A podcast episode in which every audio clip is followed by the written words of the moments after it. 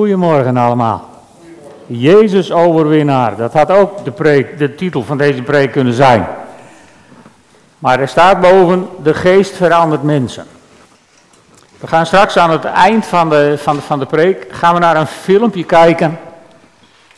Waarin je kunt zien hoe, hoe mensen door God veranderd kunnen worden. Dat filmpje zou je ook kunnen noemen naar het laatste lied wat we hebben gezongen. Waar u verschijnt, wordt alles nieuw.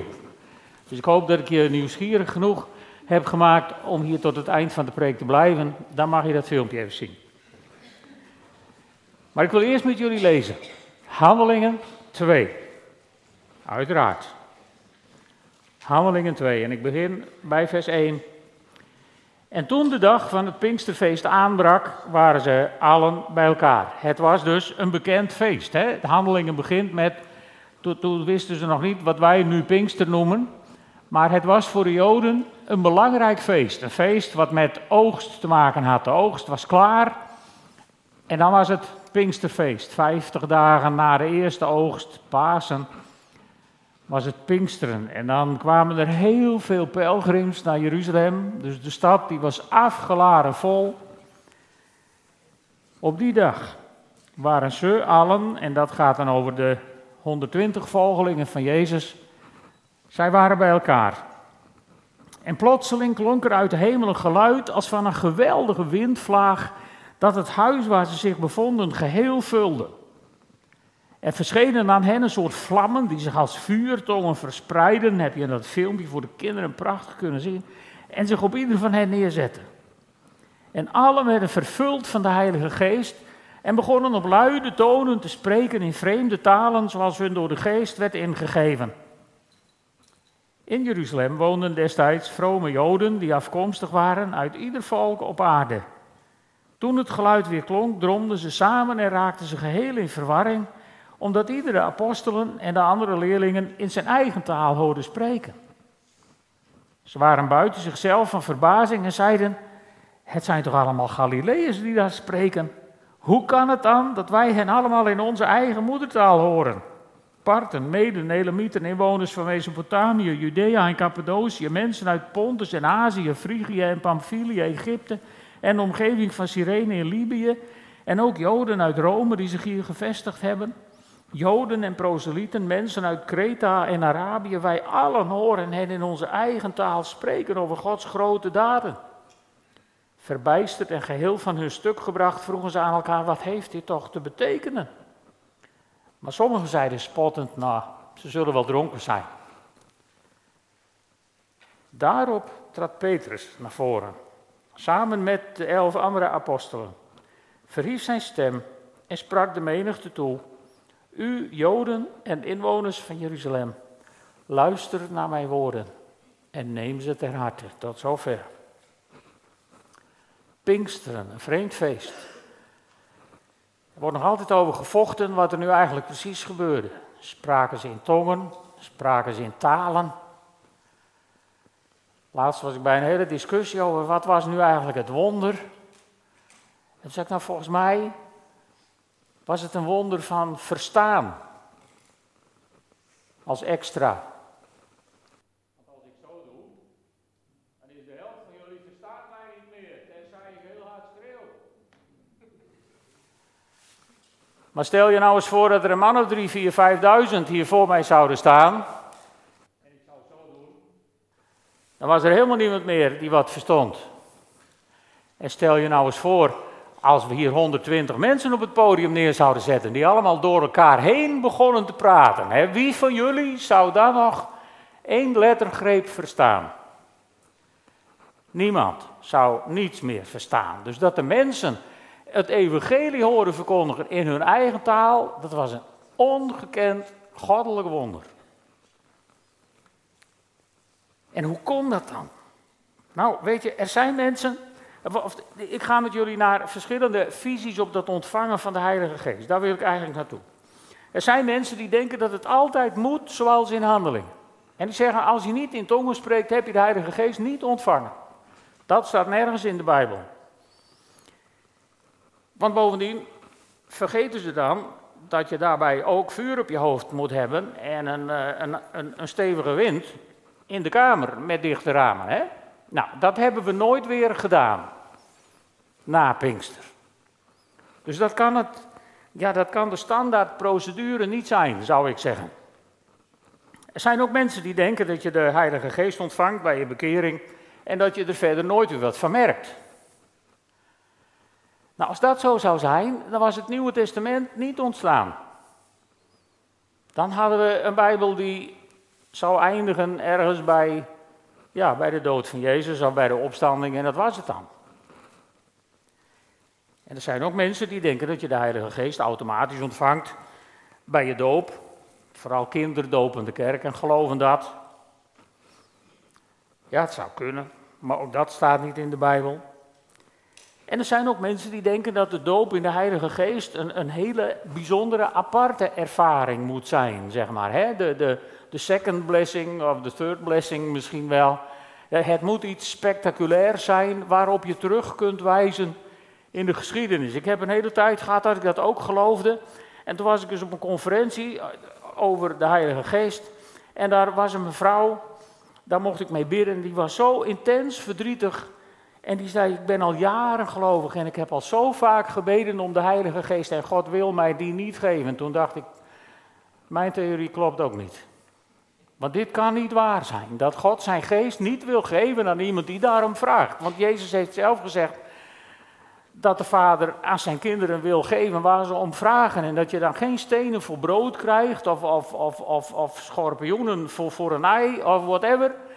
Jezus heeft duidelijk gemaakt dat als je erom vraagt, ontvang je dat. Maar hoe zit het dan precies? Nou, ik zal jullie heel eerlijk vertellen, ik weet het niet.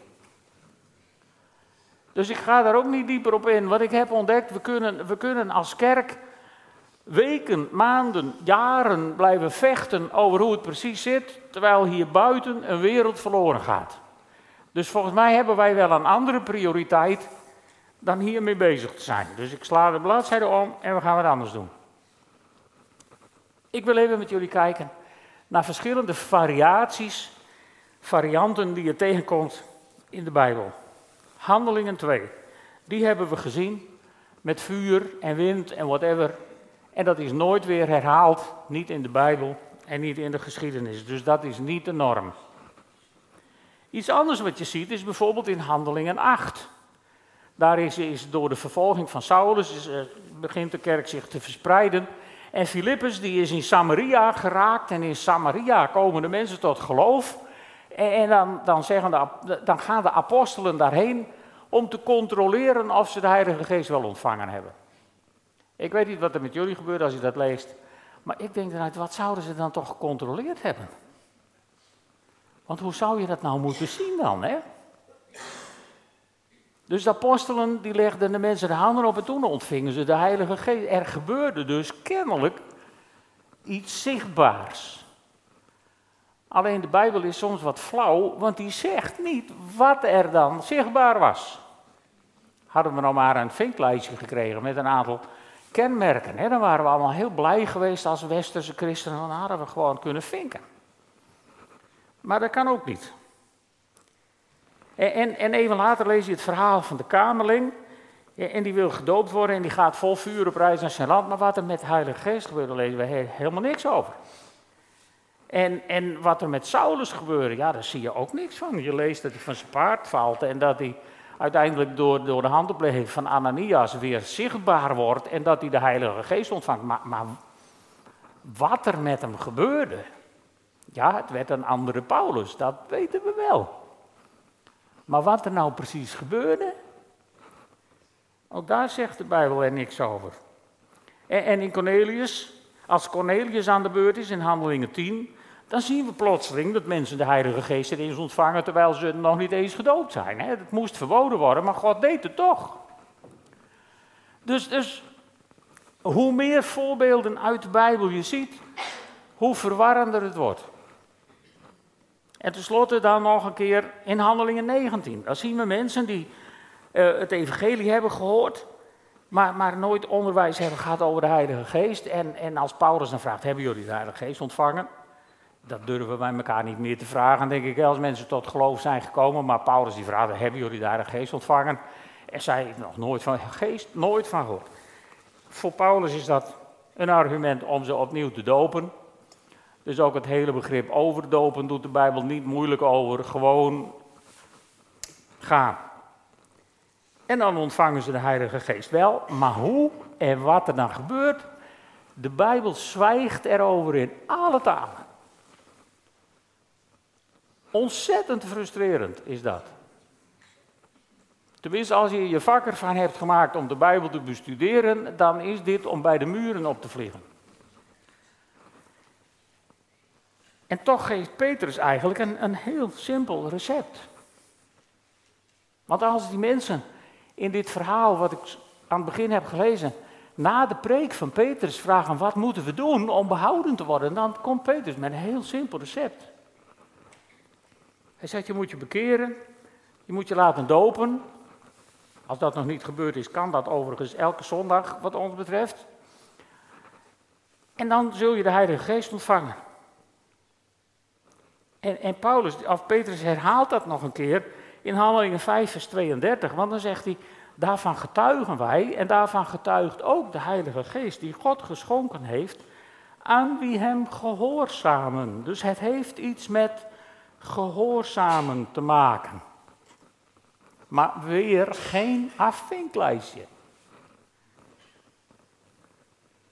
En toch zijn er allerhande ervaringen in de Bijbel in dit verhaal wat ik jullie gelezen heb, mensen die spreken in tongen en mensen die ineens wonderlijk verstaan. En, en verderop vind je ook nog wel dingen. En in de kerkgeschiedenis vind je, vind je de meest bijzondere ervaringen als de Heilige Geest gaat werken. Als je je even verdiept in de, in, de ervaring van Smallingenland, dan weet je dat in de grote kerk mensen onder luid geschreeuw en luid geroep hun zonden gingen beleiden een paar honderd jaar geleden. En dat ze vervolgens met stoel en al door de ouderlingen de kerk uit werden gesjouwd en voor op het pleintje bij de grote kerk werden neergezet, want wij wilden dit in de kerk niet. Dus je hoeft niet ver van huis om kerkgeschiedenis te vinden. Sommige mensen die, die in de tijd dat er in Toronto of andere plekken van alles gebeurde, herinneren zich misschien nog de felle discussies die dat opleverde, of die verschijnselen nou wel van de Heer waren of niet. En weet je, wat doet het ertoe? Er waren allerhande verschijnselen. En ik ben ervan overtuigd, als sommige gelovigen van vandaag er in handelingen, 1, in handelingen 2 bij waren geweest, dat er opnieuw hele artikelen waren geschreven dat dit nooit van de Heer kon zijn, want ze horen het niet. En, en ja, ik pleit ervoor van, joh, laat nou maar gebeuren wat er gebeurt. Maak je daar niet zo druk over, laat God zijn gang even gaan. Vertrouw eens op de Heer. Mijn ervaring is dat je God redelijk los vertrouwd zijn gang kunt laten gaan. Misschien komt hij zelfs wel verder als wij de controle even loslaten. En dan kunnen er dingen gebeuren die je misschien niet helemaal begrijpt. Ik heb Erwin gevraagd om aan het begin dat verhaal uit Joël te lezen, die profetie. En weet je, die profetie, als je die goed leest, over tekenen naar de hemel en op aarde en bloed en vuur en zuilen van rook en, en, en, en van alles met de zon en de maan. En, en dan komt Petrus, die komt na de vervulling met de Heilige Geest, komt hij naar voren en zegt hij, dit is wat Joël voorspelde. Nou, er is geen letter in Joël die erop lijkt. Als ik dit aan de universiteit zou doen, dan zou ik worden afgemaakt. En toch, en toch, eindeloos veel getuigenissen zijn er opgeschreven van ervaringen die mensen hadden toen ze de Heilige Geest ontvingen. Of misschien wel toen ze zich realiseerden dat ze hem al lang hadden. Dat is misschien nog wel veel belangrijker. Dat je gaat geloven dat de geest van God in jou woont. En als je echt gelooft dat de geest van God in jou woont, dan is de volgende stap in je leven is dat je het lef hebt om tegen de geest te zeggen: Ga uw gang. Hier ben ik. Dat je durft te zeggen wat we, wat we hebben gezongen. Laat dit huis gevuld zijn. En dan even moet je aan jezelf denken als tempel van de Heilige Geest. Laat dit huis gevuld zijn.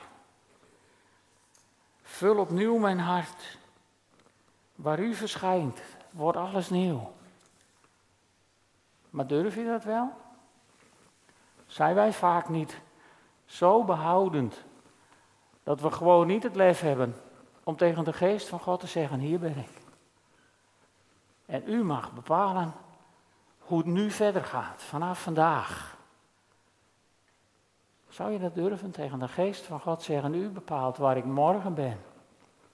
En wat ik morgen doe. Misschien wel vanmiddag zelfs. Of heb je net zo'n agenda als ik, bijna in beton gegoten, waarvoor de geest amper ruimte in is? Zijn we niet zo geworden als Westerlingen? Maar weet je, als je het durft, als je de geest de ruimte durft te geven, dan gebeuren er hele bijzondere dingen. Ik wil jullie eerst een voorbeeld aanreiken uit de Bijbel. Hij heet Petrus. Iemand met een hele grote wafel, een klein hartje. Die toen het erop aankwam, het volgende deed. Lucas 22, vers 55. Hier ontmoeten we de mens Petrus voordat hij de Heilige Geest had ontvangen. Ze staken een vuur aan, midden op de binnenplaats, en gingen eromheen zitten. Petrus voegde zich bij hen. Een dienstmeisje zag hem bij het vuur zitten en keek hem strak aan en zei: Die, die, die man hoort er ook bij. Maar hij ontkende het. Ik ken hem niet eens. Even later merkte een ander hem op en zei: Jij bent ook een van hen. Maar Peter zei: Wel, nee, man, helemaal niet. En ongeveer een uur later zei nog iemand met grote stelligheid: Jazeker, die man was ook in zijn gezelschap. Hij komt immers ook uit Galilea. Maar Peter zei: Ik weet niet waar je het over hebt. En op datzelfde moment, terwijl hij nog sprak, kraaide er een haan. De Heer draaide zich om en keek Petrus aan. En toen herinnerde Petrus zich de woorden van de Heer. Nog voor er vannacht een haan heeft gekraaid, zul je mij driemaal verloochenen. Hij ging naar buiten en huilde bitter. Is dit niet hoe wij vaak zijn als het erop aankomt? Ik heb even geen tijd. Ik durf even niet. Mij moet je dit niet vragen. Ik heb de gave van dit of van dat niet. Zijn wij vaak niet zo? Petrus, die zijn Heer driemaal verlogende. En diezelfde Petrus, die zit op deze ochtend van de Pinksterdag met zijn vrienden in de bovenzaal. En die komt naar buiten. En die ziet daar duizenden vijandig gezinde mensen tegenover zich staan. Die zeggen, wat is dit voor gekke huis? Ze lijken wel dronken. En dan gebeurt er een wonder. Daarop trad Petrus naar voren, samen met de elf andere apostelen. Hij verhief zijn stem en sprak de menigte toe: U, Joden en inwoners van Jeruzalem, luister naar mijn woorden en neem ze ter harte. De scheidluister veranderde in een nachtegaal. En diezelfde Petrus, die liep er niet voor weg toen hij aan het eind van zijn leven de verkondiging van het evangelie met de dood moest bekopen. De geest verandert mensen. En ik wil met jullie naar een filmpje gaan kijken zometeen. Ik zag dat filmpje bij de Noordermannen in Ureterp, een paar maanden geleden. En toen dacht ik, ja, dit, dit is de, een Pinksterpreek in zich. Het is een preek over, of het is een filmpje over iemand die door de geest glijdt een baan moet aannemen die hij niet wil. Op een plek waar hij absoluut niet wil zijn. Een plek in Amerika die je rustig met de hel op aarde zou kunnen vergelijken. En hij ging daar naartoe. En we gaan in dat filmpje zien wat er toen gebeurde.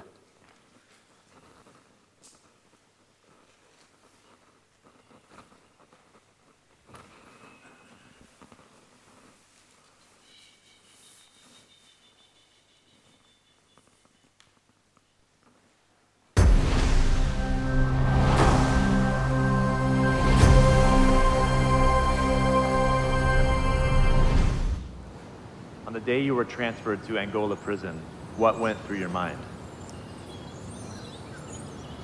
Um, I was honestly scared to death.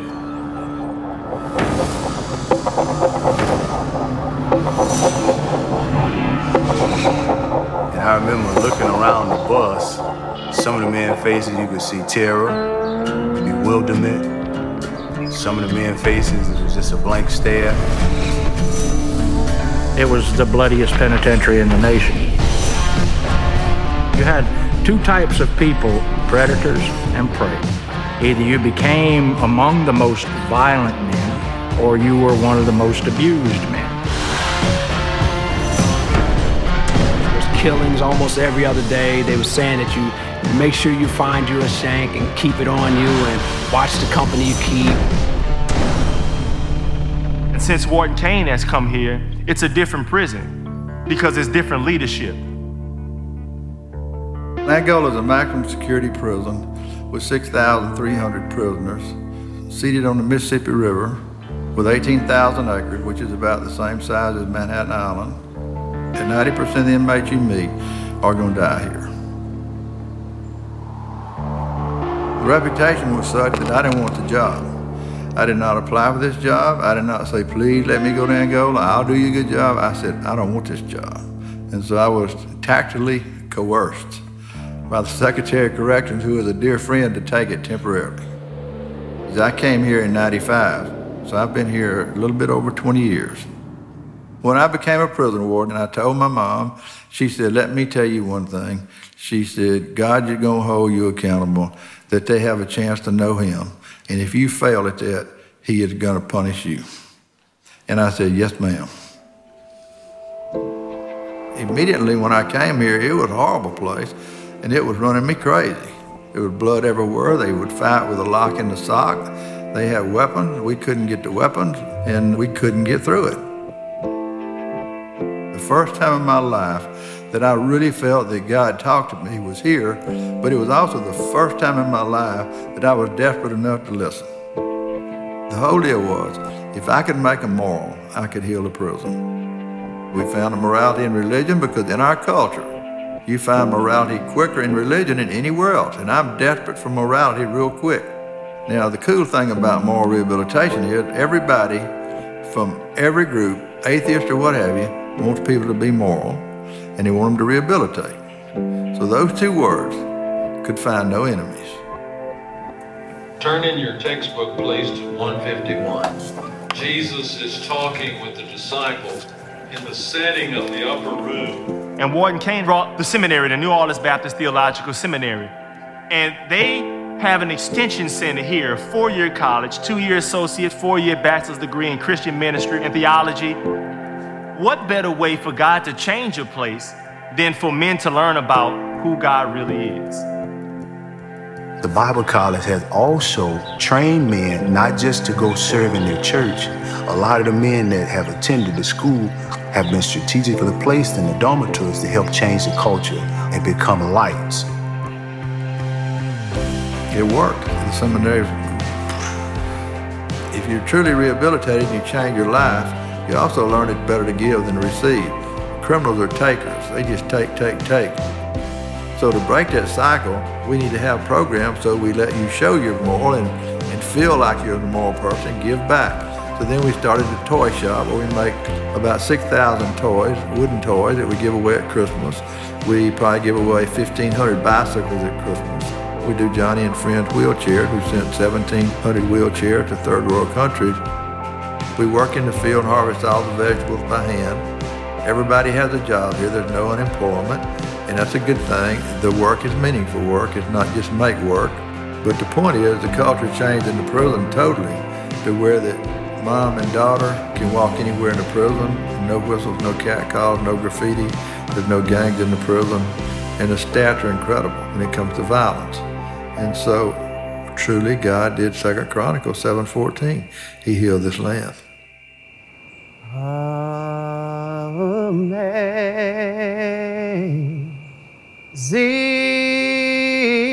Amazing, amazing grace. How how sweet. It's almost like a revolution.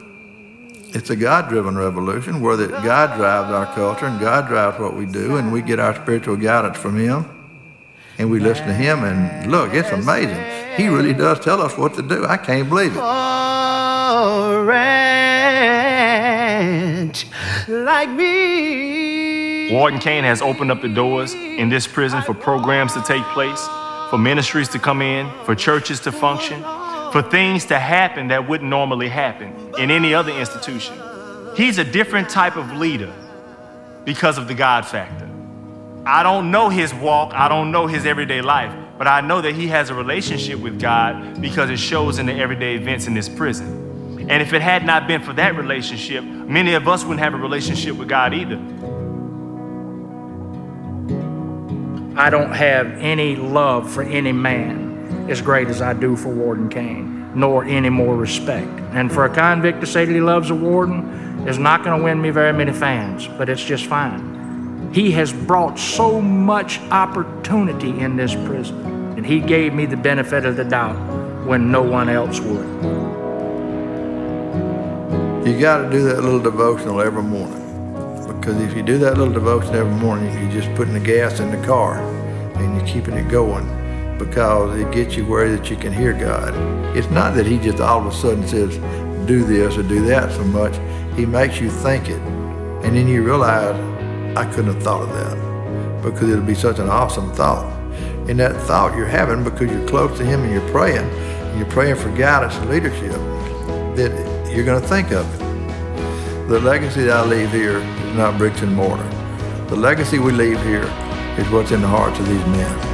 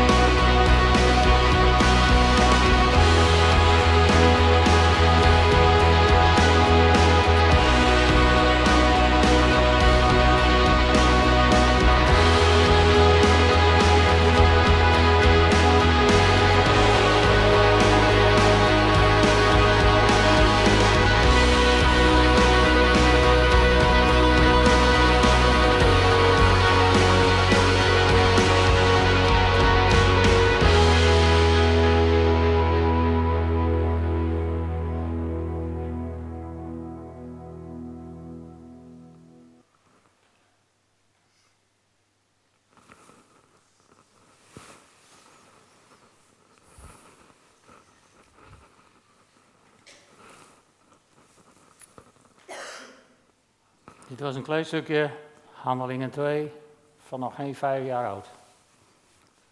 God verandert mensen. De geest verandert mensen. Als wij bereid zijn om te gaan naar plekken waar we niet heen willen, dingen te doen waarvan we misschien denken dat we dat niet kunnen. En dan hoeven we niet allemaal directeur te worden in zo'n gevangenis. Maar ik geloof met mijn hele hart dat God ook vandaag nog steeds mensen uitnodigt om stappen te zetten, om naar plekken te gaan, om misschien wel woorden te spreken, rollen op zich te nemen, waarvan je denkt, waarom ik? En als je dan in tevredenheid gaat, ja, dan kan er wel eens wat wonderlijks gebeuren, wat je ook niet van tevoren zou kunnen bedenken. Ik vind het mooie van deze man dat hij ook van tevoren niet zegt van ik ga dit en dat en dat allemaal bereiken. Hij ging niet met een stapel doelen naar deze klus. Hij ging in gehoorzaamheid naar deze klus. Misschien juist wel zonder doelen en zonder plannen, in volle afhankelijkheid van de geest van God. En dan gebeurt er zoiets. En de vraag is dus niet of God wel wil. De vraag die ik na dit filmpje elke keer weer overhoud is, zou ik wel willen?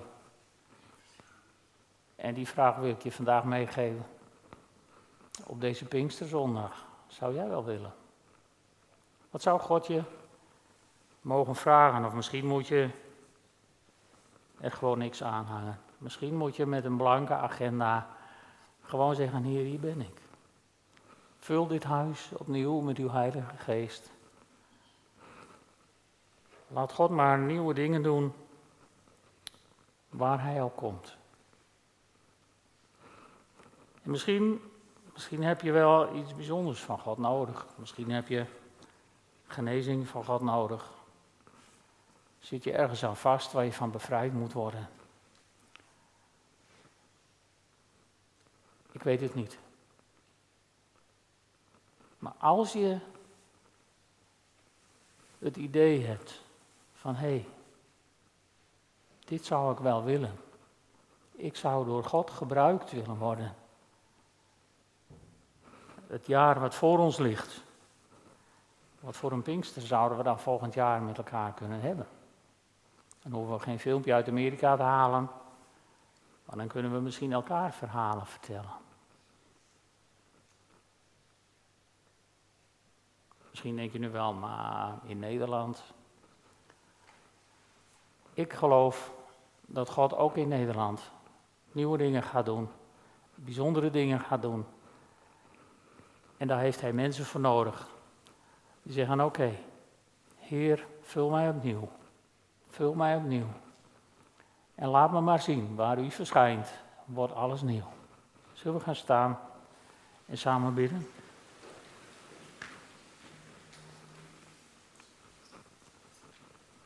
Heere God, dank u wel dat u ons in de Bijbel laat zien wat er met mensen gebeurt als uw geest de leiding krijgt. En dank u wel dat er filmpjes te vinden zijn van de laatste jaren, waarin we ook kunnen zien wat er gebeurt als u de ruimte krijgt. En Heer, ik bid u om de genade dat we ook in onze eigen levens aan elkaar mogen zien wat er gebeurt als u ruimte krijgt. En daarom bid ik u op deze Pinksterdag, Heere God, raak ons opnieuw aan met uw Heilige Geest. Vul onze harten opnieuw met uw aanwezigheid. Open onze ogen voor de kansen die er zijn in onze eigen levens op de plaatsen waar wij door u zijn gebracht. En als u sommigen van ons naar een andere plaats wilt brengen, Heer, u ziet de bereidheid in onze harten. Laat uw geest opnieuw vaardig worden over ons. Dat bidden we voor u, van u in de naam van Jezus. Amen.